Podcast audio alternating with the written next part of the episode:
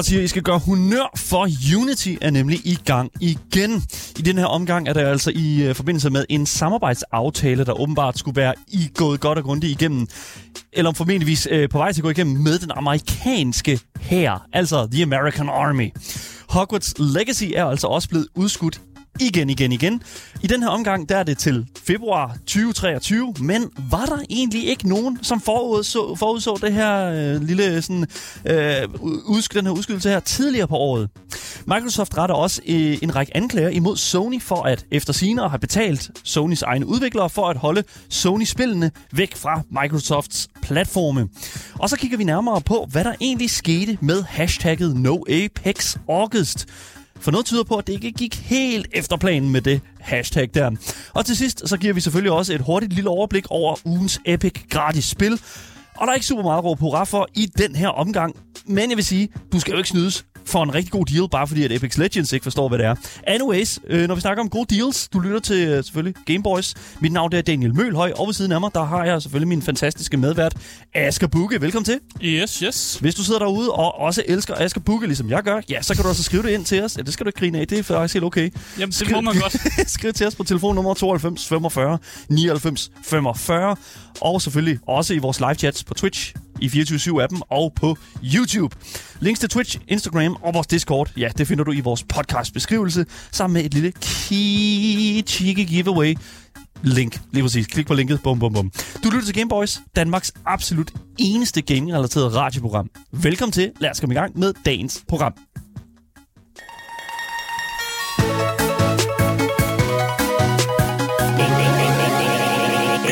Så har Unity ramt nyhedsfladen igen. Og hvis man ikke ved, hvad Unity er, så er det altså et øh, stort firma, som står bag en, øh, en meget populær spilmotor, som ligesom er rivalen til Unreal Engine. Unity-spilmotoren øh, har lavet spil som øh, Among Us, øh, og andre, andre store spil også faktisk. Øh, men vi har før hørt om øh, massive fyringer, og deres øh, CEO, mm. som har lavet nogle øh, dårlige udtalelser. Og Ricky, så Ricky Cielo. Selvfølgelig. Og Great så deres, øh, deres øh, partnerskab med Iron Source, som står bag et øh, virusprogram. Det er, det er det nyeste, vi har hørt om Unity. Men øh, dengang, der handler det altså om en, øh, en større aftale, som gør, at Unity kan få nogle, øh, nogle penge ind i kassen igen. Fordi det virker som om, det har været det, det allerstørste problem for Unity. Det er jo det. De, Unity har jo ikke nogen penge, det ved vi jo. Det kan vi jo se nu. De prøver i hvert fald at skove nogen ind i hvert fald Ja, det gør de måde. virkelig. Der. der er nemlig blevet lavet en, øh, en kæmpe stor aftale mellem Unity og den amerikanske hær. Mm. Øh, og aftalen, den bliver kaldt en øh, multimillion dollar aftale mellem Unity og den amerikanske hær, og vi ved altså ikke, hvor mange, øh, hvor mange penge, der er snak om her. Det er bare en multimillion dollar deal. Og det er også bare sådan lidt sådan, det er Unity og den amerikanske her. Det er ikke sådan Ja, det Call of, militær. det er ikke sådan Call of Duty. Nej, nej, det er det rigtige, det, det rigtige amerikanske militær. Det, det, det, what the altså dem, der rent faktisk skyder nogen i virkeligheden, og, og, og sådan nogle ting der. Wait, well, yeah. okay. Ja, det sker. Ja, det sker i hvert Det fald. hænder, ja. Men aftalen, det er altså en, øh, en treårig øh, sådan, kontrakt. Øh, og som sagt, vi ved ikke, hvor mange penge, der er snak om her. Vi ved bare, at det er en, en kontrakt på tre år. Ja. Øh, aftalen er også en videreførelse af en allerede eksisterende militæraftale, som Unity har. Så Unity har altså førhen haft øh, aftaler med det amerikanske militær, så det er det bare en, du ved, en genkontrakt. Jeg, jeg er bare lige nødt til at, og sådan at forstå, okay, så det er en genkontrakt. Ja. Hvad helvede har det her forhold, hvad det her arbejde, samarbejde, hvad har det gået ud på? Ja, så aftalen går egentlig ud på, at øh, Unity, de er den sådan, det amerikanske militær sådan præfererede real-time 3D-platform. og, og det vil okay. altså sige, at når den amerikanske sådan, regering og deres sådan, forsvarsarkitektur og militær, øh, alt muligt skal bruge en eller anden, du ved, en simulation eller en 3D-model af et eller andet, Okay. så gør de det i Unity. Okay, så, okay, så det er derfor, at Ja. ja. den amerikanske her kan sidde og bruge Xbox-controller, når de styrer deres droneangreb. det, Okay, det fair enough. ikke. Det, nej, nej, men altså, det er jo, det er, det er jo, jeg tror faktisk, at det, er, at det er sådan, det foregår. Ja, Jeg så tror- det betyder bare, at de laver en masse ting i Unity. Det er deres, det, er deres, sådan, det, det, det program, de bruger, når de skal lave 3D-modeller, når de skal lave det ved jeg ikke, simulationer af forskellige ting, og jeg ved ikke, om man, man laver sådan nogle drone-simulationer også i Unity. Det, det kan godt være.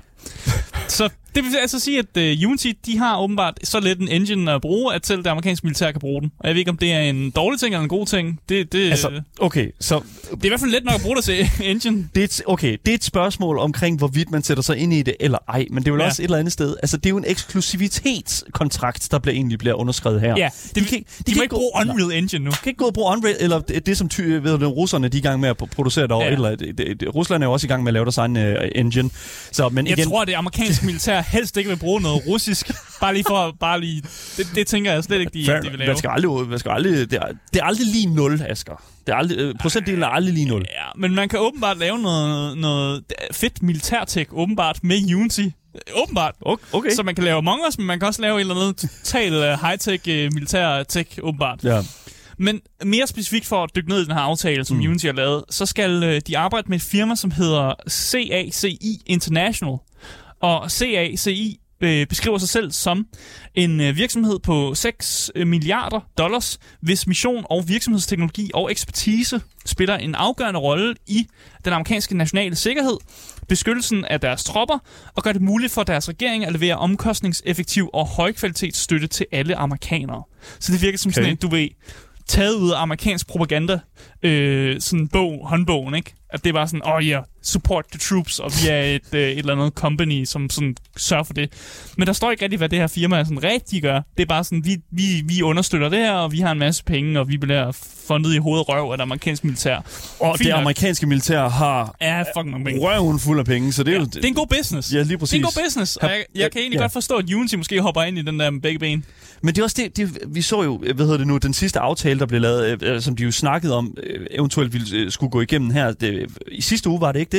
Mm. Altså, hvor det også bare var sådan 1,26 milliarder kroner, øh, som, som der var snak om der også, som Ja. Unity prøvede at få igennem. Men det var et firma, det var et reklamefirma. Her, er jo ikke vi det snakker samme. om noget helt andet. Der er øh, reklamefirma, der prøver at få fat i Unity, og så nu er der det amerikanske militær, der laver en kontrakt med Unity om at gøre det til deres main en- engine til at lave 3D-modeller. Men det er bare hver eneste gang, Asger, vi har den her snak omkring Unity, så Ja. er jeg nødt til at lige understrege, at Unity fucking fyrede en masse fucking Ja. ansatte. På baggrund af hvad? Altså, det, det bare sådan... Mangler altså, penge. Fra hvem? Jeg ved ikke. Det virker som om, de får rigtig, de skovler penge ind nu i hvert fald. How? Jeg forstår jeg bare ikke. Jeg, for, jeg, jeg kan ikke forstå, hvad Unity er gang i lige nu. Jeg bliver, jeg bliver nødt til at... Jeg, bliver, jeg har brug for hjælp. Jeg har brug for hjælp. Hvad har du brug for jeg, hjælp for? Jeg, jeg, jeg, har, jeg har brug for en voksen. Jeg har brug for nogen, der kan sætte sig ned og forklare mig, hvordan i alverden det her, det kan give... Det, kan give det, det er som om, der er nogen, der siger til mig, Ja. 2 plus 2 er lige med fucking 500. Altså, jeg kan ikke, What? Jeg, jeg, ved ikke, jeg kan ikke rigtig hjælpe dig. Altså, hvis du var det amerikanske militær, kunne jeg lave en 3D-model i Unity. som måske viser, hvad, hvad, hvad, hvad der er galt. I mean, sure. I'll take it. Okay, fair enough. Men altså, på overfladen, så er der jo som sådan ikke... Eller, det kommer an på, hvil- hvilken, hvilken øh, holdning man har til det. Men på overfladen er der jo som sådan ikke, nogen, noget galt med, at man laver en aftale med den amerikanske militær. Det er der sikkert, det er der sikkert god profit i. Øh, Det er der god profit i. Det Ja. er der ikke sikkert god profit. Det er der rigtig mange penge i. Men der er bare en lille... Så, der er sgu nogle, øh, nogle skidt historier, som er kommet ud inden fra Unity, som netop omhandler det her, sådan, jeg ved ikke, hvad kalde det, militær tech. What? Øh, der har nemlig været nogle medarbejdere, øh, som af gode grunde måske ikke har haft lyst til at arbejde på militær tech. Og det er fair nok, hvis man ikke har lyst til at arbejde på militær våben og ting, som måske kunne ende med at, at få folk slået ihjel, så skal man da have lov til at kunne sige fra og sige, det har jeg ikke lyst til at arbejde øh, Mm. med. Øh, og sidste år, der var der faktisk øh, nogle medarbejdere, som var ude i medierne for netop at klage over, at, at de var blevet sat til at lave militær tech for Unity. Altså Unity-medarbejdere, som blev sat til at lave det her, mm. som ikke havde lyst til det. Øh, og problemet er jo, at, at, de, at medarbejderne de har sagt ja til at arbejde i en engine, som de jo har nok har tænkt skulle bruges primært til at lave spil. Og pludselig så, så står der en chef og siger, I skal arbejde på det her projekt, og det er så et eller andet militær, militær, militær, militant militæragtigt, man skal lave. Bare for at lave rigtig slang på det. det fra fisketorvet? Eller? Ja, ja. øh, og det kan jeg jo godt forstå, at der er nogle medarbejdere, der måske ikke har lyst til ligesom, at arbejde på noget i militær øje med, når de er kommet ind i jobbet, på grund af deres passion for spil, for eksempel. ja. Øh, og der var også øh, rapporter om, at der var flere udviklere, som arbejdede på projekter, de ikke anede skulle bruges militært. Men det, det tror jeg faktisk er mere normalt, end vi, end vi går sådan lige og tror. Øh, fordi at, at når der man udvikler noget, specielt i den her branche, for, for specielt sådan software, mm. så er det ikke altid, at man er helt øh, man, man er included ind med, hvad sådan the final means. Altså ja, sådan, det forstår jeg hvad, godt. Hvad udvikler. Og det er også sådan, det Hvis du arbejder for fucking AAA-firma, der har 1000 medarbejdere og sådan noget, så an, altså, du laver og sidder og, og programmerer på et eller andet, du ikke aner, hvad skal bruges. Det kan være, du, du sidder og arbejder på en game mechanic, som, ja. altså, som du tænker, fuck man, det her det er bare, whatever, det er en reload. Øh, ved, det er en reload mechanic til et uh, nyt Call of Duty-spil, ja, ja. og så viser det vidderligt bare, det er, øh, ved, det er Elon Musks nye robotter, som også skal kunne finde ud af at reload et våben. Uanset hvordan man kigger på det, uanset hvordan du vender og drejer det, hvis jeg lavede en game mechanic også til et eller andet spil, så kunne jeg også godt tænke mig at vide, i, øh, hvad, hvad bruges den her game mechanic til? Ja. Altså, hvordan kommer det til at se ud i det store billede? Og det, det kan jeg godt forstå. Men når man laver et eller andet, der skal bruges i en militær sammenhæng, så kunne jeg også godt tænke mig, det er i hvert fald en personlig holdning, at, ja. at jeg kunne også godt tænke mig, at jeg ved, hvad det skal bruges til. Altså skal det bruges til at gøre, øh, så dronerne, de kan bombe folk bedre? Er det sådan noget, der jeg sidder og laver lige nu? Nå, men det er bare et eksempel. Eller bruges det på, noget, på en, en anden militær ting. Og det, det var derfor, alle de mennesker blev fyret. De stillede for mange spørgsmål. Det, problemet er, at hvis man er en medarbejder, som så ikke ved det, og man, man så laver et eller andet tech, og man tænker, åh, oh, det er meget nice, det jeg har lavet, og så finder man ud senere, om det er lige blevet brugt til at, at gøre, at USA nemmere kan lave dronebumpninger, så har man måske sådan mere sådan en, ah, det var ikke, man, ikke så fedt projekt not, alligevel. That's not an epic gamer moment. Nej, Fuck, man. og derfor så, så min pointe er, er, også bare sådan, spørg, spørg lige først. Altså spørg lige først, om folk har lyst til at programmere på de her ting, eller lyst til at sidde ved dem. Og være sådan, har du lyst til at lave noget til den amerikanske, det amerikanske militær, så kan folk sige, øh, ja, det vil jeg gerne, eller så kan folk sige, øh, jeg er fransk, jeg har ikke lyst til at arbejde. jeg er fransk? Hvad har det med noget at gøre? Jamen, jeg prøver bare at sige, der er forskellige nationaliteter, der arbejder for Unity, okay? Ja, okay, fair enough. Så det var bare et eksempel. Jeg kan også sige, at jeg er dansk, så jeg har ikke lyst til at lave noget til det amerikanske militær. Det kunne også godt give mening. Pointen er... Meget specifikt. Jeg synes, ja, jeg kommer bare med eksempler. Pointen er bare, jeg synes, man skal spørge først. Man skal, jeg skal spørge medarbejderne, hvad, hvad har I lyst til at arbejde med der? Always ask for consent. Det, ja. det, det, det er på alle fronter, og, altså og alle det steder. det er jo der, problemet er opstået, at der så er folk, der kommer ud i medierne og været sådan, ja. at de arbejder på militær tech, og det har jeg ikke fået at vide, og da jeg sagde ja til jobbet, der skulle jeg arbejde på fucking spilmotor. ikke, ikke, ikke noget, der kunne bruges i en militær sammenhæng. Send help. oh, god damn, dude. Yeah. Så jeg spørger først, 100% Unity, simpelthen i, har genfornyet, kan jeg næsten forstå, at man vil sige så. Genfornyet deres øh, militærkontrakt. med, med det amerikanske, den amerikanske militær. Ja, Vi, det, altså... kan være, det, skraber, det kan være, de kan få nogle medarbejdere tilbage, hvis de er villige til at arbejde på nogle dronebumpninger eller et eller andet. Oh my god, sænk dine forventninger. Vi, vi ser, hvad der sker øh, frem, for, frem for, men hvis det er ligesom alt andet i den her industri her, så hører vi sgu nok ikke mere for det. Uh, Udover at, øh, ah, den er gået igennem, bum, bum, bum, bum. Vi får se, hvad der sker ja. i fremtiden med for Unity, for indtil videre, så er det rimelig meget en, øh, en, et skib i relativt høj bølgegang. Ja.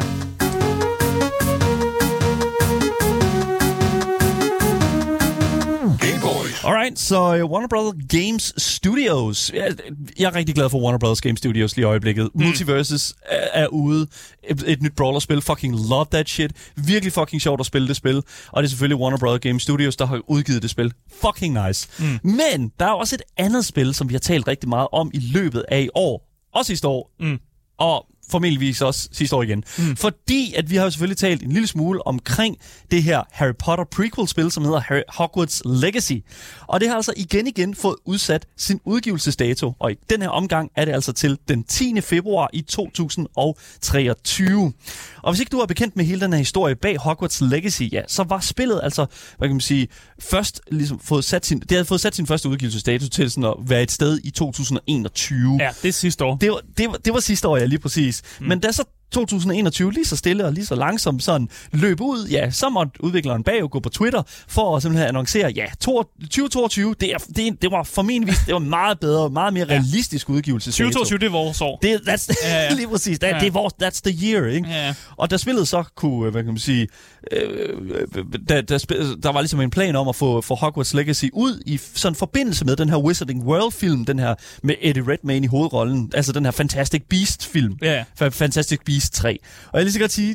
Det havde været et godt move. Det havde været et godt move, ikke? Men, selv, men filmen landede jo så også i en masse problematikker med fucking Johnny Depp, der var nødt til at springe fra, fordi at fordi han blev cancelled, og så, var, så, var, så havde vi Mads Mikkelsen, der så fik den rolle. Det er vi altid glade for. Godt, se, lige, godt lige at se Mads i en hovedrolle. Mm. Øh, også selvom det er en skurkerolle, det er så lige meget. Men det kunne ligesom, man havde ligesom tænkt, alright, fair enough. Hogwarts Legacy, det kan udkomme i forbindelse med Fantastic Beasts. Ja, ja. Sådan der. Det, er- det er Harry Potter-året. Så det året.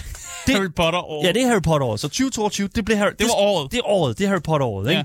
Men det, der jo så sker, det er, at selvom der var utallige mange rygter, sådan i blandt skeptikere, sådan noget med, at nu er det blevet rykket en gang, øh, så, så bliver det nok rykket igen, så var majoriteten af de her sådan ventende fans ret optimistiske på, at ah, okay, fair enough, mm. det bliver sgu nok en decemberudgivelse. Det, det, det gør det nok. Ja, ja, slutningen af 2022. Så Ja, ja. noget der, lige præcis. Ja. Og det er jo sådan, det, øh, der, det var noget med Fantastic Beasts, hvad var det, sådan april eller et eller andet, det, ud- det, den film udkom. Mm. Så får har de otte måneder til at lige at lave lidt øh, sjov ballade, så oh, der kommer noget ud, oh, godt, godt, godt, ikke? Ja, ja. Sådan der, de er otte måneder til det. Mm. Så det giver god mening, at, at det vil udkomme i december. Og jeg vil da godt være den første til at indrømme, at vi her på Game Boys, vi har altså lidt problemer med at tro på øh, de her skeptikere her, fordi at, altså sådan, Ja. at, øh, vi, vi talte jo tidligere på året omkring den her podcast, der hedder Sacred Symbols. Og her kunne vi jo nemlig høre i den her, øh, en podcast, som blev udgivet den 10. januar, at verden Colin Moriarty, han udtalte sig om et anonymt tip, som han havde modtaget. Og øh, Ja. det, det her tip her, det var jo at øh, åbenbart, at man godt kunne glemme alt om, at øh, det blev en 2022-udgivelse på Harry Potter, øh, på, øh, undskyld, ikke Harry Potter, men Hogwarts Legacy, mm. fordi at udviklingen af spillet, og nu citerer jeg, var løbet ind i problemer. Og det, han uddybede ikke, Han uddybede hvor eller ikke, what? og han smed det sådan bare lige ud midt i, midt i, sådan, i podcast. Ja, det, var- det var meget, meget sådan indskudt. Så vi, vi vurderede jo, da vi snakkede om det her på Gameboys, at det, det er noget af et flimse rygte. Ja. Øh, og jeg blev endda en lille smule sur, vil jeg gerne sige, Ja. over at, øh, at, der ikke, at, at, at en masse nyhedsmedier skrev en historie om netop, at der Hogwarts Legacy nok blev rykket på baggrund af den her meget flimsige udtalelse. De var rimelig sådan, og, Ja. og det, det var rimelig sådan set in stone næsten sådan, som de der overskrifter var, ikke? Sådan præcis, præcis. De hoppede virkelig med på vognen. Og, men, men, men det der sådan, hvad kan man sige, var det the turning fra min side af, det var jo, at vi aner ikke, hvor den her, øh, vi aner ikke, hvor det her, det her tip kommer fra. Vi ved ikke, hvem man har snakket med. Mm. Det var en meget indskudt ting også i, i podcasten. Det var ikke det, de reklamerede for Nej. i podcasten overhovedet. Lige præcis. Ja. Men også, at Hogwarts, Hogwarts Legacy's øh, sådan officielle Twitter også selv var ude og simpelthen holdt fast i den her 2022-udgivelse. Nej, nej, det kommer. Ja, Ja. Det kommer i 2022. Ja, ja. Og Warner Bros. var også Ja, ude og, det og holde alle- fast i det. Ja, ja. Præcis. Så der var ikke super meget af det her rygte her, som Colin Moriarty han kom med, øh, som, som, som ligesom kunne sætte rødder i. Der var ikke så meget, der, øh, øh, nu, som, der var ikke så meget bag det, og fået noget, så meget rygdækning på det. Mm. Og derfor øh, var vi jo selvfølgelig meget skeptiske. Så vi her på Game Boys, vi skammer os selvfølgelig meget over øh, og æder vores ord igen. Jeg, skal, og jeg at vil det gerne nu- med glæde æde mine ord og sige, hold kæft, mand. What? Hvem kunne have set den komme? Det ret damn, det bliver fucking det bliver udsat. Ja. Ja. Og vi retter selvfølgelig en stærk og direkte undskyldning mod Colin Moriarty. Ja, ja, det, Øh, det, jeg ved ikke, om jeg gider Vi undskylde. gav ham mange skældsord, og Ja. ved nu kaldt ham... øh, Ej, det nej, det gjorde vi ikke. Det, gjorde, det Men jeg vi vil, jeg vil gerne sige, jeg vil gerne sige en ting, og Ja. det, det er, jeg tror ikke, jeg tror, på det tidspunkt, så tror jeg sgu heller ikke, Colin han vidste det rigtigt. Hvem ved? Og jeg, jeg tror, at nogle gange, så tager man bind for øjnene og skyder efter dartskiven, Ja. og så rammer man sgu et alligevel, og han fik sgu ret. Fint nok, men, men jeg tror stadig, at det var meget, det var meget flimsy Ja. at gå på. Ja. Og, og selv når Warner Bros. og udvikleren kommer ind og siger, nej, nej, vi holder fast i datoen, så bliver man da nødt til også at, at tro på det. Så vi holder selvfølgelig, vi holder selvfølgelig på vores kritik af Collins Men jeg kan godt æde mine ord. godt æde, Hvis I gerne vil have mig til at æde mine ord, så skal jeg det- nok æde dem. Nam, nam. Men det behøver du ikke, fordi jeg føler sådan et eller andet sted, at der var ikke nogen kildebekræftelse på det tidspunkt. Det var et anonymt tip, han Mm. efter sine skulle have fået. Så altså, jeg holder fast i vores kritik af Colin her. Eller faktisk, ja. det, det var lidt en joke, at vi, at vi trækker tilbage. Hvis det selvfølgelig var rigtigt, det han havde fået, så, er, så gælder det. Han har jo ret i, at det blev udskudt. Det har han jo. Men Det må det- jeg, jeg kan give manden det. Okay, men så siger jeg det nu. Ja. Det bliver udskudt igen. Og så hvis der, og det er fordi, jeg har fået Se et anonymt du, tip. se, nu skyder du også efter, øh, efter skiven. Det kan være, du rammer jo. Ja, det er det, jeg siger. Jeg har fået et anonymt tip, som siger, at der er problemer med udviklingen øh, af Hogwarts Legacy, og det bliver, ud, øh, det bliver udsat igen. Sådan der. Ja. Øh, jeg, vil gerne have den, fu- jeg vil gerne have den fulde hæder, når det, bliver, når det sker igen. Anyways, så Jeg tror også, at det, øh, det nyeste Fallout-game, som ikke er i udvikling endnu, jeg tror også, det blev det udskudt. bliver udskudt. Sådan der. Det jeg fået Okay. okay. øh, af en anonym kilde. Er der nogen, der kan lave et bookmark? Anyways. Vi holder selvfølgelig fast, øh, øh, holder selvfølgelig fast i øh, det, som Colin sagde om, at der problemer med... Altså, hvis vi holder fast i det, Ja. at der er problemer med udviklingen, så kan det jo altså godt ske, at det er lidt af det, som, som der er sket, hvis vi hører sådan, hvad Avalanche Studios, øh, software hedder de, siger på deres egen Twitter, altså studiet bag Hogwarts Legacy, de, siger mere præcist, teamet er spændt på, at de kommer til at spille, men vi har brug for lidt mere tid til at levere den bedst mulige spilleroplevelse. Det virker som en sætning, jeg har hørt før. Oh my god, where have we heard that before? Fucking Alle steder. God damn, jeg tror også, hvad hedder det, det bliver skrevet her øh, af vores fantastiske seer her i vores Twitch-chat, Escalator øh, underscore GL skriver, gider ikke No Man's Hogwarts 20, 2076. That's a big fucking name anyways. Det er altså virkelig det, vi typisk ser fra de her studier her, at, at, at, det, at de simpelthen bare ikke, er, når de ikke er klar, så kommer der bare sådan en tweet, der hedder, mm. vi vil bare så gerne give jer en fed oplevelse, og teamet er ikke klar endnu, så vi venter lige lidt. Men, og det er bare men det. det. man prøver jo at holde den positive tone, fordi folk kan ikke lide, når man udskyder spil. Mm. Så derfor prøver man jo også at, gøre, at, ligesom at levere nyheden på sådan en positiv måde. Og Mm. være sådan lidt, det er fordi, vi vil gerne give jer det bedste spil, vi kan lave, og det bliver yeah. fucking godt, gutter. Tro på mig, ikke? Ja, så de er ikke klar til at udgive spillet, så det kan jo meget muligt være, at, at, at Colin Moriarty han havde ret, men måske ikke havde fået den rigtige kontekst, eller fået at vide helt 100% hvad der Det, gik han har måske på. bare fået at vide, at det var i Development Hell, Ja, og så har han bare knows? tænkt, det bliver nok udskudt. Ja, men, men Det ser ikke godt ud. Ja, udover det, så er hypen for det her spil her også virkelig ved at komme ud af kontrol, føler jeg. Og jeg kan virkelig godt frygte, at vi rammer de der sådan Cyberpunk 2077 sådan... Øh, Hvad? der vider der på samme måde der, fordi jeg ser flere og flere af den her sådan, samme type af Twitter-replies, hvis man skal sige det på den måde. Øh, altså den her måde, som øh, kan man sige, de her tweets her, som virkelig minder om, hvad folk sagde, inden Cyberpunk kom ud. Nu skal lige sige, at Cyberpunk blev udskudt fem gange. Ja. Øh, det, Vi er der ikke helt endnu. vi er der ikke endnu med... Vi har to udskydelser mere, før vi kommer op på Cyberpunk-niveau. Der er lige lidt mere, men, men, men, men indtil videre, altså, jeg har jo selvfølgelig ret, så det, vi skal nok nå det op. Men hvad kan man sige, det, det er lidt det samme. Her siger øh, Twitter-brugeren, blandt, øh, som hedder Anthony Tansella, siger blandt andet, okay, jeg var okay med den første, men seriøst, det her bliver latterligt. Det skulle komme, udkomme til 2021. Det blev så forsinket. Så var det sat til 2022 i sidste del af året, og nu er det 2023. Hvad er det næste? 2024? Men det er vel faktisk det næste. hvad, kan det hvad kan kræve så meget opmærksomhed, at de skal presse dette spil? Øh, undskyld, pre- øh, ja, vi kan sige, øh, hvad hedder det nu, udskyde det her spil to gange. Mm. Og jeg elsker det. Den her person her har ikke prøvet at få udskudt sit spil før, kan jeg godt mærke. Det kan, det kan vi godt mærke, at det er sådan, at den her person har virkelig Velkommen i brændt sig. klubben, må jeg Vel- sige. Welcome to the party, bro. Ja. Men hvad kan vi sige, der er altså også stadig folk, øh, som Twitter-brugeren Hornless Unicorn, som der... Glimrende Twitter-navn. Rigtig godt Twitter-navn. Det, I guess, det er bare en hest jo. Nej, anyways. Ja. Som der ligesom forsvarer spillets mange udsættelser. Og her skriver den her person. Alle, der klager over datoen, skal slappe af. Hvad vil du helst? Vent et par ekstra måneder, eller tage fat i, en, i et buggy rod ved en udgivelse. Ja, yeah. jeg siger, jeg siger giv, den, giv dem det tid, de har brug for, til at gøre det rigtige. Og igen, jeg føler her, den her person har heller ikke prøvet det før. Fordi at det kan, de, man, de kan tage al den tid, de vil tage. Vi gav jo øh, Cyberpunk al den tid, de havde brug for. Ja, og det er jo, altså, ja, og din PlayStation 4 crashede stadigvæk med det spil, der Ja, ja. udkom på det tidspunkt. Ja. Så et, et, det er bare ikke en, en, en positiv ting, uanset om det er det ene eller det andet. Og det er jo der, hvor der som en eller anden... Kan, kan Warner Bros. Studios vinde den her? Kan de, kan de, Ja. kan de vinde den her historie? Jeg det tror tror du? ikke, Det. det. det er Harry Potter, vi Det snakker er et. Harry Potter-spil. Hvis Ja. der kommer noget, en hver ting i Harry Potter-universet, får folk til at gå amok. Ja, det tror jeg. Ja. Selvfølgelig. Men det er også det, der er problemet. Det ikke? er bare Fordi- IP'en i sig selv, har de, Ja. der har de vundet. Men det bliver sværere og sværere for mig ligesom at finde ud af, hvilken side jeg selv hører til. Men når alt kommer til alt, så føler jeg jo virkelig, at det bliver mere og mere klart, at hvad kan man sige, ham her, den tidligere BioWare-chef Aaron Flynn, havde ret, når det kom til sådan backlash øh, mod studierne, øh, hvad hedder det nu, øh, øh, når de ligesom udgiver deres spil øh, som sådan et eller andet broken mess, fordi de ligesom holder, at de her studier holder kortene tæt til kroppen, så længe som de gør, og så hvad kan man sige, bygger de sådan en kæmpe stor hype-bubble op, som på ingen måde, altså de kan ikke leve op til den her hype-bubble, eller for, for den skal skyld øh, håndtere det fallout, der kommer efter eksplosionen af den her hype-bubble. Og det er der, hvor jeg, jeg føler, at gennemsigtigheden er nøglen. Det er også det, som Aaron Flynn han siger. Gennemsigtigheden mm. under den her proces her er simpelthen så fucking vigtig for at kunne stå med et produkt til sidst, som er blevet udskudt. I er simpelthen mm. nødt til at give noget mere altså, øh, til de her fans, som der sidder og venter på de her spil her. Ja, altså Og- det ja. jeg har brug for, det er mm. bare mere realistiske datoer. Det, I stedet for, at I rykker øh, tingen, øh, udgivelsesdatoen fem gange, Ja. så ryk den en gang, og så ryk den langt. Men det, ja, Ryk den, ryk den langt, så vi ikke sidder og tænker, om det er jo kun nogle par måneder, det bliver rykket. Og så rykker Ja. de det et par måneder mere. Og sådan, for hver gang I rykker den, så mister Asger tålmodighed. De skal og så bare har- lave- får jeg mere lyst til at slå muren. men vi snakkede også om Skate 4 her for ikke så lang tid siden, ikke? Som Ja, bare ja. hed kommet til Skate. Punktum. Seriøst, de har ikke givet en udgivelsesdato. De har bare sagt, det, det kommer ud, når det er That's klar. how we fucking do it nu. Altså, det, er sådan, det, det føler jeg virkelig er Det vil jeg næsten hellere ting. Ja, lige præcis. Det er ikke nok mere med de her Twitter-updates, som vi får fra nærmest de, alle de her studier, der udskyder deres spil.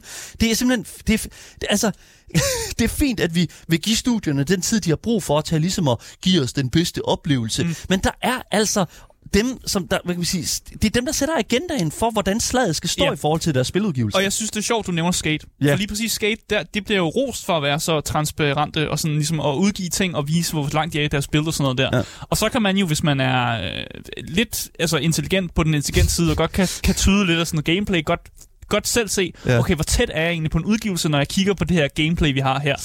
Når vi er i en pre-pre-pre-pre-pre-alpha, så er vi nok ikke tæt på. så er vi fucking ikke tæt så er vi ikke på. tæt på. Det Lige ved jeg godt. Men når vi kommer på et tidspunkt, hvor spillet ser nogenlunde sådan sammenhængende ud, og de stadig bliver ved med at give de her updates, og man kan se, okay, det begynder at fungere, så kan man godt, godt tænke, okay, der kommer nok snart en udgivelsesdato. Så jeg er helt enig, den her transparenthed er meget god, især når man snakker om skate Ja. og sådan noget. Men nu er du jo... nu har vi, nu har Hogwarts Legacy ja. sagt en dato. Men det er også det, jeg siger tit, at, at jeg siger tit, at jeg personligt sådan opgør et spils værdi, efter hvorvidt jeg føler, at spillet ligesom har respekteret den tid, jeg bruger i det. Ikke? Altså sådan, respektere den øh, tid, jeg har brugt på at, ligesom at spille det. Mm. Men jeg føler ligeledes også, at at der ligesom er begyndt at komme en manglende respekt på forbrugerens tid, inden spillet kommer ud. Jeg føler, at vi, vi er simpelthen nødt til at få mere vide omkring de her udfordringer, som studiet de møder, mm. og som ligesom retfærdiggør det, sådan den her udsættelse. Det er også lidt det, som ham her, Anthony, han siger det her med sådan, hvorfor? Hvad er det helt præcis, der, der, ja. Der, der retfærdiggør Fordi det? vi, vi kan godt forstå det, hvis der er, hvis det er øh, vores øh, servercomputer er brændt ned, og vi har mistet data fra fem måneders arbejde. Fucking fair, man. Hvis I siger det, så er jeg sådan lidt, fair nok. Det, og det er bare sådan Det er da ked af, at jeres server er brændt ned. Men jeg har også et eller andet sted, selv hvis det bare var en eller anden åndssvag sådan IP-ting, eller sådan, ah, der er lige nogle forskellige, der er noget med nogle øh, skuespillere, så uh, likeliness og sådan noget i et Harry Potter-spil, whatever, ikke? Altså ja, ja, sådan, eller sådan noget. Ja, der er nogle IP-muligheder. Så giv mig, sig giv mig det. et eller andet, Bare- bare sig det.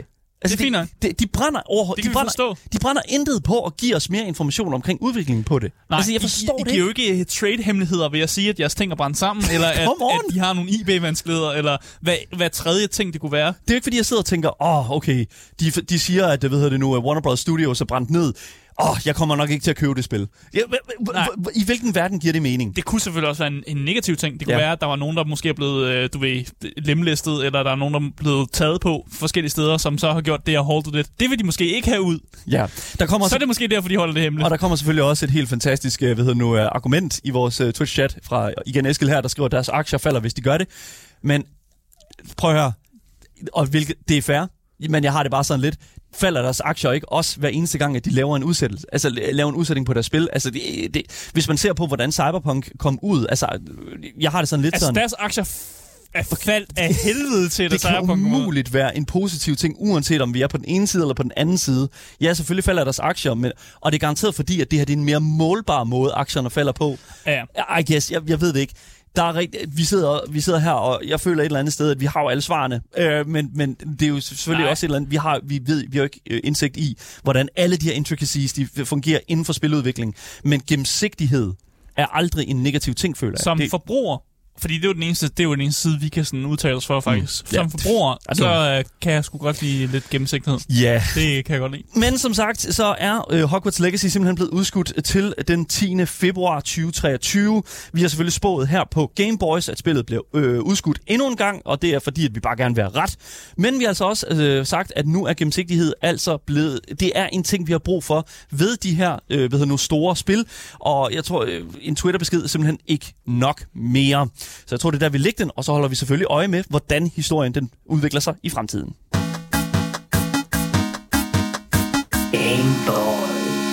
Jeg troede, vi var nået til et punkt, hvor vi øh, ikke længere skulle snakke om konsolkrigen mellem Sony og Microsoft. Det er fandme lang tid siden. Jamen, jeg troede, det var sådan en 2008-ting, eller sådan i hvert fald deromkring. Ja.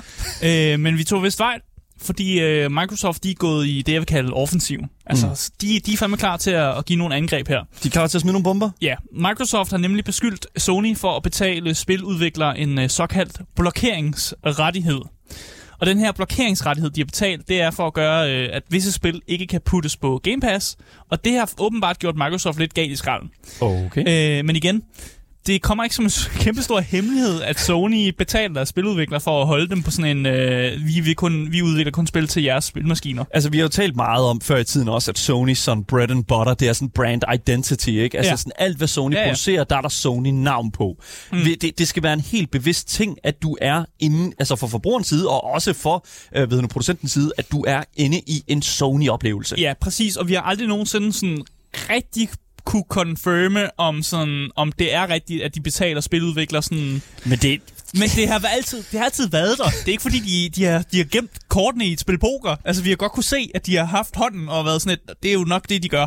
Fordi Hvorfor? de, de, Ja. det kan vi godt se. Fordi det, det, er kun til, det er kun til forvindingsskyld for, for, for Sonys side af, og Ja. det, altså det er sådan, det, de udvikler spillene med tanker om, at det skal være på deres præmisser. Ikke? Men Microsoft virker som om, de først har fundet ud af det nu. De er i hvert fald øh, ligesom offentliggjort det op, som et eller andet form for modangreb. Og grunden til, at, øh, at vi ved det her, det er fordi, at der er kommet et øh, legalt dokument, øh, som er blevet givet til Brasiliens nationale konkurrenceregulator. Ja. Mm. Øh, og det lyder som en meget mærkelig kilde at få den her information fra, men det er åbenbart fordi, at øh, Microsofts øh, køb af Activision Blizzard, det skal igennem en masse af de her konkurrenceregulatorer, både i Brasilien er en af dem, øh, i Storbritannien skal den igennem, og så også den store øh, USA, der skal det igennem øh, FTC, som bliver en kæmpe stor sag, øh, som godt kan gå begge veje faktisk, øh, som det er lige nu.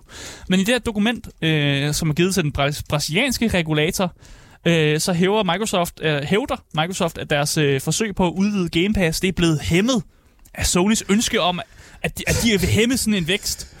Og hvis man, går, Okay, videre, hvis man går, Microsoft. går videre i dokumentet, så står der, at Sony betaler for blokeringsrettigheder for at forhindre udviklere i at tilføje indhold til Game Pass og andre konkurrerende ab- abon- abonnementstjenester. Det vil altså sige, at Microsoft de går i sådan en, ja, yeah, nu angriber vi jeres Sony offensiv, som jo kommer i, øh, faktisk kommer i kølevandet af, at Sony har beskyldt Microsoft for at, øh, for at lave unfair konkurrence, da de mener, at købet af Activision Blizzard, og mere specifikt Call of Duty, afholder folk fra at købe en Playstation. Og igen, det- øh, what? Det her, det er simpelthen de her angreb bare... mod hinanden, det er seriøst. Det er, øh, jeg vil næsten kalde det mudderkast, men det er altså ikke mudder, de kaster med. Det er sådan skumfiduser. Det er skuffiduser, eller det er sådan penge. Det er sådan penge, de sådan kaster efter hinanden. Sådan, prøv, look at how money we pay these people. Ja. Det, Det var sådan Sony og sådan et, og I, I kan købe Call of Duty, så køber folk ikke Playstation Og det er længere. bare- ja, og så. Microsoft sådan, jamen I betaler folk for, så nu gider folk ikke at have Game Pass længere.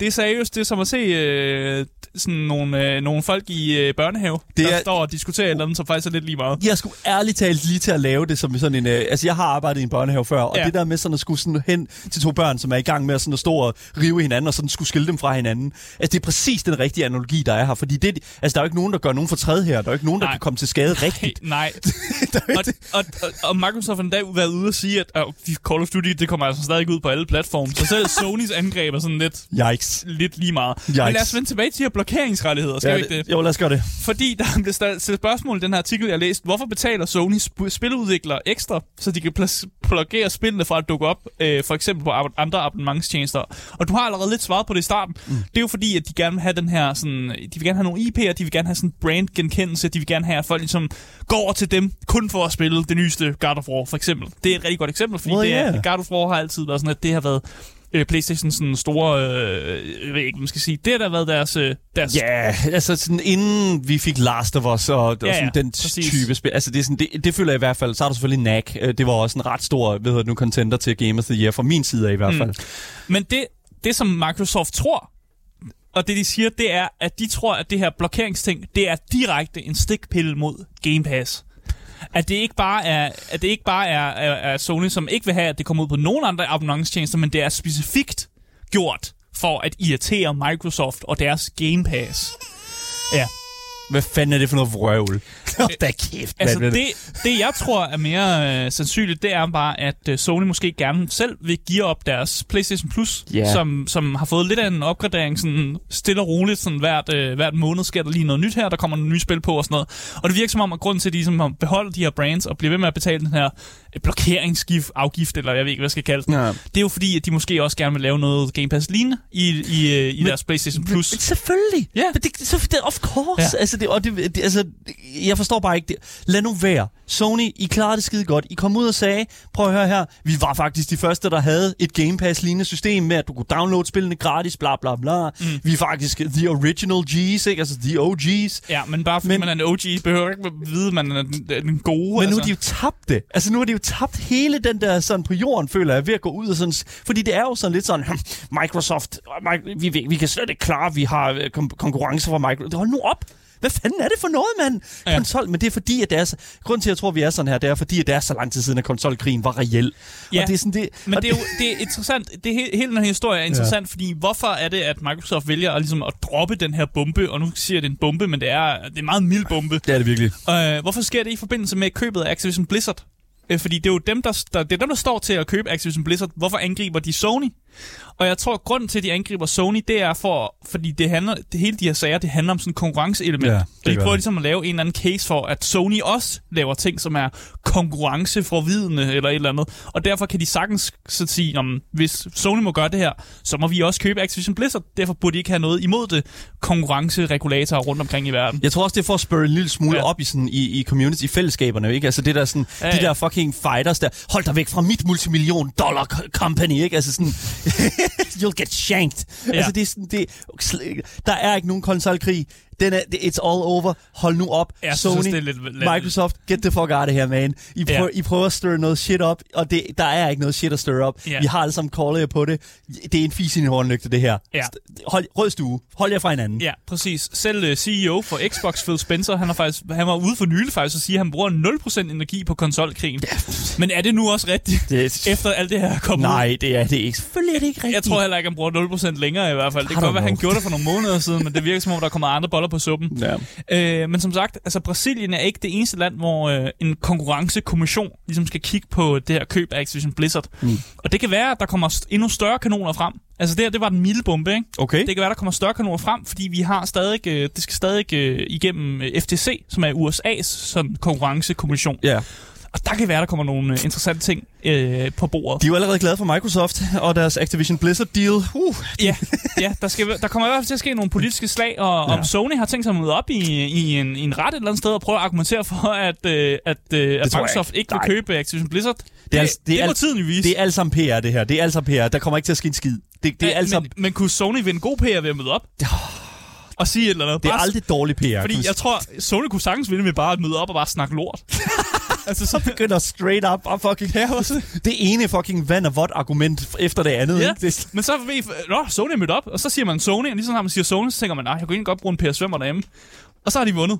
ja, ja, I don't know. Ja, men man kan også sige et eller andet sted sådan, at altså, Asger, har du en PlayStation 5 eller en, en Xbox? Jeg har en PlayStation 5. Der går. Sådan der. Vi ved allerede, hvem der har vundet konsolkrigen. Så, lad os, øh, Okay. lad os, øh, lad os komme videre. Vi, Jeg har også Game Pass. Jeg glæder mig til at se, hvad der sker, øh, jeg- virkelig, i den her historie, fordi at, altså sådan, øh, jeg er glad for, at vi for det første får, får lov til at call det her ud, for, som hvad det er. Ren og skær en fis i en hornlygte. Ja. Men Sony versus Microsoft, the fight is back. Konsolkrigen tilbage. Konsolkrigen revived, men Ja. og så alligevel ikke. Vi holder øje med, hvad der sker i fremtiden.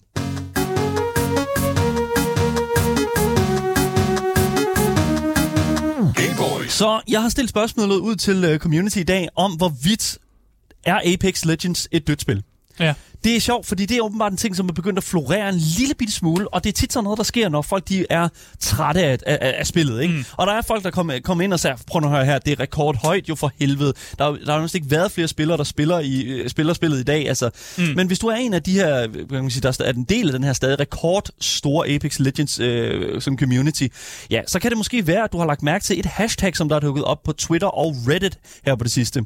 Hashtagget det hedder hashtag NoApexAugust, og det opfordrer altså alle, der normalt spiller spillet, til simpelthen at holde en pause igennem en hel måned, for at vise Respawn, som der er studiet, der står bag Apex, at der simpelthen er en alt for lang række problematikker, som studiet øh, i- igennem alle de tre år, spillet har været ude, simpelthen aldrig nogensinde har fået adresseret. Mm. Og det, øh, der, der er nogle stykker af de her problematikker her, og der er også nogle ting, som jeg selv kan ikke genkende til. Mm. Men det hele det starter altså med en post på Reddit for godt og vel to måneder siden. Og her beskriver brugeren Laughing Prince en lang række fejl, som for eksempel input lag fra fra Xbox-controller, øhm, lydproblemer, der er ikke nogen cross-fraction øh, øh, progression, login-problemer, hitbox-problemer, en masse andre karakterspecifikke problemer også, som simpelthen aldrig nogensinde blevet, pro- øh, er er blevet fikset på mm. den rigtige måde. Og alle de her ting her, isoleret, kan jo som sådan godt virke som relativt små problemer, men samlet så bliver det jo til en ret stor omgang, sådan please respawn, fix game. Ja. Og det, er jo altid, ja. det bliver altid velmødt af, af både udviklere, jeg kan huske en uh, pop, uh, PUBG player Unknown Battlegrounds, uh, jeg kan huske ham her, der sad, står bag det spil. Uh, jeg kan huske, at der var mange, der bare skrev til ham sådan, fix the game.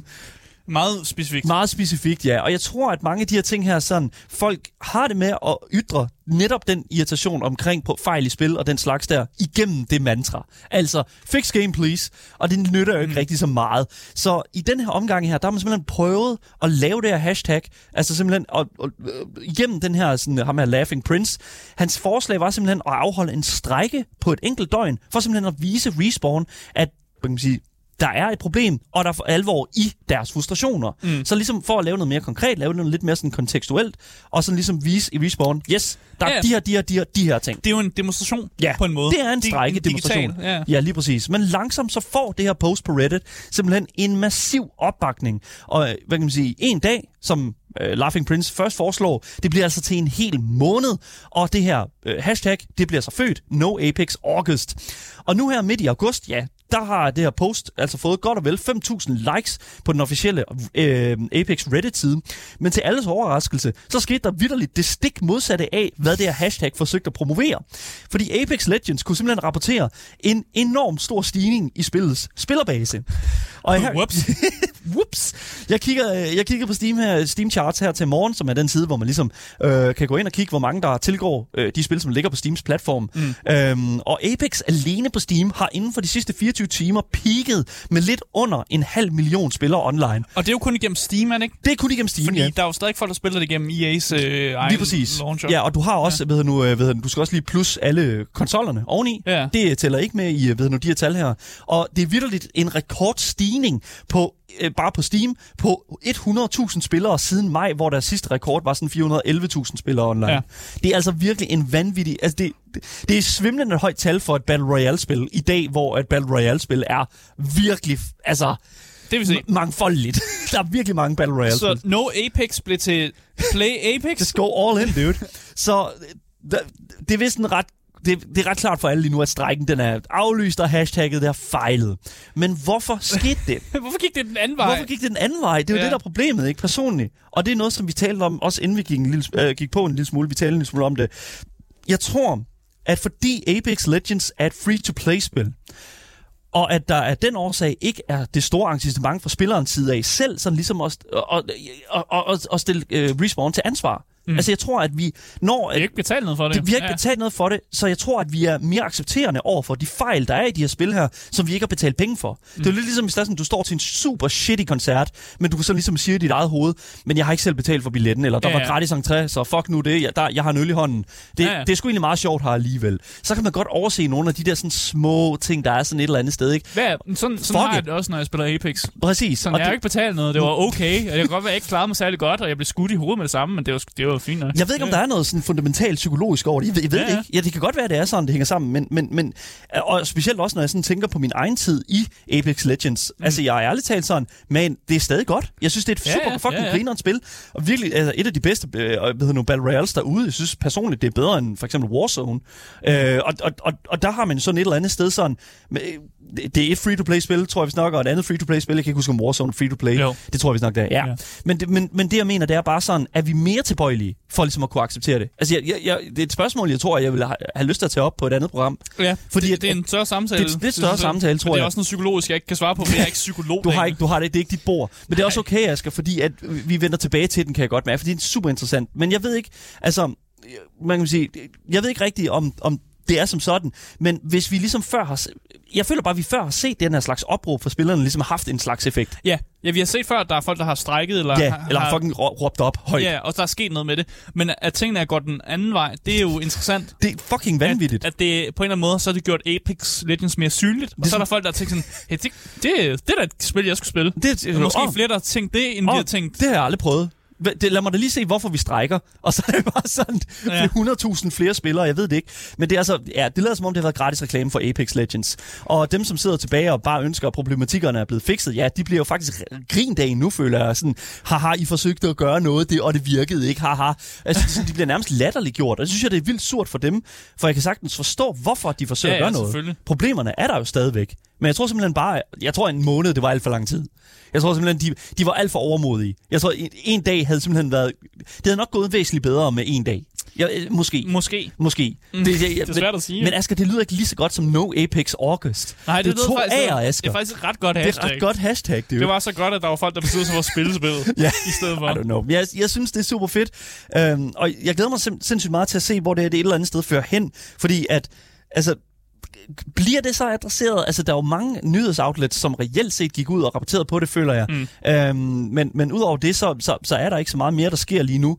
Øhm, selv øh, dem, der står bag hashtagget, øh, har, har anerkendt, okay, fair enough. Øhm, vi tabte. Nej, ja, det kører ikke. Altså, vi er stadig i gang med august lige nu, på, mens vi optager her, og det, altså, whatever. Altså, hvis det sker, så sker det igen, eller et eller andet. Det kan Mm. også være, det får en resurgence her sidst på måneden. De kan stadig nå det. Så, Det kan være, at folk quitter det lige de sidste par dage af I august. don't know. Der er mange, der skrev ind faktisk øh, omkring netop, at ah, de var lige i gang med at færdiggøre deres battle pass, og så kan det godt være, at de holder en lang pause. Okay. Men det var sådan lidt sådan, mm. Mm, okay, jeg ved det ikke. Men vi, vi får se, hvordan og hvorledes det kommer til at forholde sig. Altså om de her problemer, problematikker stadig bliver adresseret af Respawn. Mm.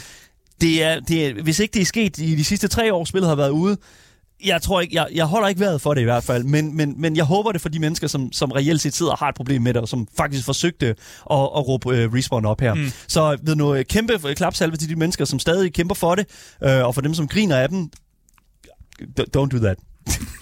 Ja. Ja. Hvis du først har droppet ind nu, ja, så er du altså virkelig i den sidste del af programmet. Du lytter til Gameboys her på 24-7. Mit navn er Daniel Mølhøj, og med mig i studiet, der har jeg Asger Bukke. Yes, yes. Og vi skal over øh, og snakke lidt om øh, de her gratis spil, som øh, ligger på Epic Games. Uh. Og vi plejer sådan hver, øh, hver anden uge lige at tage temperaturen og se, hvad er det egentlig, der er derinde. Er Ja. det noget, der er jeres tid værd? Fordi det er i hvert fald ikke pengene, I skal af med, når I får de her gratis spil, der er på Epic Games. Det er det sgu ikke, nej. Øh, og i den her uge, der er det sgu noget af en, et tyndt felt.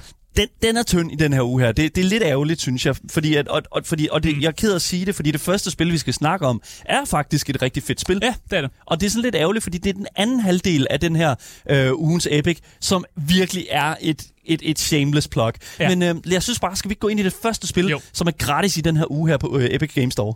Jo, for det første spil, det er nemlig Cook Surf Delicious 3.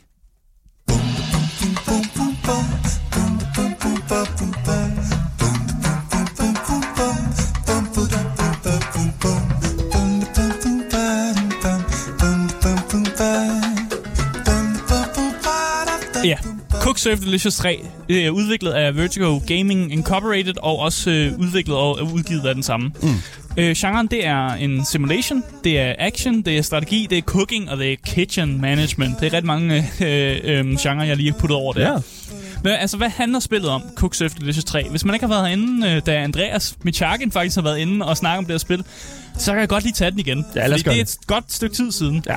Men øh, spillet er øh, et kitchen management-spil, sådan helt ind til benet. Ja. Det finder sted i øh, USA i 2042, og en eller anden grund, så har USA det er ikke særlig godt på grund af en eller anden krig, og ting er blevet fucking bumpet. Det er sådan lidt apocalypse-agtige ting. Okay, så alt er ved det gamle. Ja. Yes. og du rejser rundt med din food truck igennem hele USA, fordi du gerne vil vinde en konkurrence, der hedder Iron Cook Food Truck Championships. Damn, dude. Yes. Ja, øh, og så laver du en masse mad. Spillet har øh, 100 timers gameplay og over 380 levels. Wait, what? øh, selvom How, How Long To Beat siger, at spillet kun tager mellem 38 timer og 80 timer, så lover spillet stadig, at der er altså over 100 timers gameplay, hvis man gerne vil spille det. Okay, kan vi lige hurtigt understrege, hvor fucking vanvittigt meget tid det er, og hvor mange baner det er? Ja, det er ret mange, det er ret mange baner. Øh, man kan spille spillet alene, men du kan faktisk også godt spille local co-op. Øh, og du kan også skifte on the fly. Så hvis Mm. du har en ven, der lige kommer ind, og lige skal der hjælpe med noget madlavning, og så kan, gå, så kan de gå igen, du kan fortsætte. Se, det er sådan noget, det påvirker din, din campaign, eller det du er gang med. Jeg fucking elsker det der, det, og det er også noget, som for eksempel Power Wash Simulator gjorde rigtig godt. Det der med sådan, at du bare lige sådan, yes, du kan have været i gang med at powerwashe en eller anden fucking, øh, øh, ved ikke, en eller anden bil eller sådan noget. Mm. Så er det, fuck, men det tager 100 år. Okay? Kan du ikke lige komme ind og hjælpe mig? Og Ja. halvere tiden? Ja. Det er så fedt, og, det, og det, det samme kan man jo gøre her i den forbindelse med her. Ja, i hvert fald, man tager måske noget mindre stress af at lave yeah. det her mad, fordi det er jo det det er et spil, hvor man skal virkelig skal holde mange bolde i luften, mm. som et klassisk kitchen man, man spil jo gør det. Mm. Øh, man kan i det spil, der kan man lave 200 forskellige madretter. Øh, og der er også mulighed for at dekorere ens food truck, så man kan ligesom dekorere den indenfra og også ja. udenpå, for at ligesom give den et øh, sit eget øh, personligt look. Mm. Øh, og rent gameplaymæssigt, så er det ret simpelt, fordi du skal bare reagere på de øh, prompts, som spillet giver dig. Mm. Øh, kompleksiteten kommer ved, at det ligesom, du skal gøre det hurtigere, mm. og balancere alle de forskellige retter, som man er i gang med at lave. Tænk øh, en lille smule sådan overcooked, hvis man, ikke, øh, hvis man Ja, ved, hvad det er. ikke? Overcooked, Altså sådan- men sådan på en anden måde, du ser det på. Ja, lige præcis. Det, det er et lidt andet spil. Der er ikke det her sådan 3D øh, sådan top-down view. Det er mere sådan, sådan øh, lidt en... Ja, hvad skal man næsten... Sådan et øh, flash game, øh, hvad hedder det nu, øh, look-alike. Ja. Og jeg vil sige, virkelig... Det, det, det har for det første en meget niche øh, fanbase. Altså, de er virkelig kult. Det er et meget kult spil, det her. Ja, men også meget populært åbenbart. Ja, det er det, ja. Og jeg kan sige, at hvis man nu tænker, åh oh, nej, nu så er du overcooked, det er meget stressende. Ja. Jeg kan sige, frygt dig. Frygt dig. Fordi hvis man ikke er klar på stress og sure kunder, så kan man faktisk slå en, øh, en, en game mode på, der hedder chill mode. Øh, og det gør simpelthen, at man ikke har, længere har en stressfaktor, fordi man ikke længere skal nå at lave noget mad til en vis, nogle kunder, før de bliver sure. Og det vil sige, at du kan bare lave maden i din dit eget tempo og gøre spillet mere til snit. Og nu konkurrerer jeg bare, mm. uden at jeg har et element af stress. Det var det, jeg føler, at Open World gjorde for, øh, hvad hedder det nu, øh, Elden Rings øh, og hele Dark Souls øh, like-serien. Der. Det er sådan, det der sådan open world element. Det der så, okay, tag det i din pacing. Øh, Fucking, du, du, bare rolig. Du kan bare, du tager det i den, den, den hastighed, du har lyst til. Ja. Det er, og, og der er, sådan, det er jo ikke en easy mode et eller andet sted, føler jeg. Fordi det, det, det giver ikke... Nej, det det ikke. Det synes jeg ikke, fordi det der jo stadig er med det, det er, at du skal stadigvæk yde noget. Ja, ja. Du skal stadigvæk Du skal stadig nå lave noget. maden. Du skal stadig lave maden. Ja. Men, men, men det bliver ikke nemmere, det bliver ikke sværere, det bliver bare lidt langsommere. Det bliver jo heller ikke lige så presset. Nogen vil nok Du- sige, det er nemmere, hvis det er langsommere, men det I don't Sådan, know. sådan er det. Tag noget af det af. Jeg kan også fortælle, at spillet det har åbenbart vundet en pris for et af de bedste soundtracks i et indie-spil. Ja, vi har siddet og hørt noget af det nu, og jeg vil faktisk sige, jeg lyttede også til det tidligere. Altså, det er virkelig sådan noget fed, sådan, øh, hvad hedder det nu, øh, baggrundsmusik. Altså, det, det sætter pacing rigtig, rigtig fedt. Det er det samme med Overcooked. Der er også en god sådan øh, energi i det. Men det er sådan noget sådan, øh, ved du nu, halvjazzet, øh, sådan også en lille smule er til sådan big band-agtigt. Og det, det, det, det sætter vildt god øh, præmis for sådan også det øh, visuelle udtryk i øh, Cook Surf Delicious 3. Ja, altså historien er dybt bizarre, og traileren siger, at konkurrencen i det her madlavningschampionship er hård, fordi du bliver hacket, skudt efter, og måske kørt af vejen af andre rivaliserende food trucks, og det er også noget, man ser i traileren. Ja, så, det, ja, Det virker hardcore. Men det er også meget real, ikke? Altså, der er jo nogen, der, hvis du skal, altså, der er jo andre, der er en del af den her konkurrence, som du skal være med, med i. Ja, hvis de skyder efter dig, mand. Hey, hey, it's the hustle. Altså, det- man skal jo gøre, hvad man kan for at vinde, ikke? Så historien er åbenbart vildt weird og mærkelig. Men hvis man godt kan lide det i sin madlavnings-management-spil, så er Cook Surf Delicious 3 måske øh, noget, man skal øh, bide fingrene i. Lige præcis. Det Og koster ja. 96 kroner normalt, uh. men det er jo gratis på Epic lige nu. lige nu op til, øh, hvad hedder det nu, øh, til torsdag, Ja. øh, hvor der er sådan indtil klokken 5, hvor det næste spil, det bliver gratis. Ja, Og nu siger jeg spil, for det er det ikke. Men det er det altså ikke, fordi det, det, det, det, det er lidt en, en, en anden boldgade i den her omgang, og det er altså noget, som Epic Games Store, de er begyndt at gøre, føler jeg. Ja. Hvilket irriterer mig rigtig meget. Ja. Men, men jeg synes sådan set bare, at vi skal gå direkte ind i det, Asger. Hvad, hvad er det helt præcist, vi skal snakke om her? Ja, det næste, som så ikke er et spil, Nej. øh, men det er en, en pack, man kan få, fordi det, man kan få, det er øh, en Rumbleverse Boomboxer Content Pack.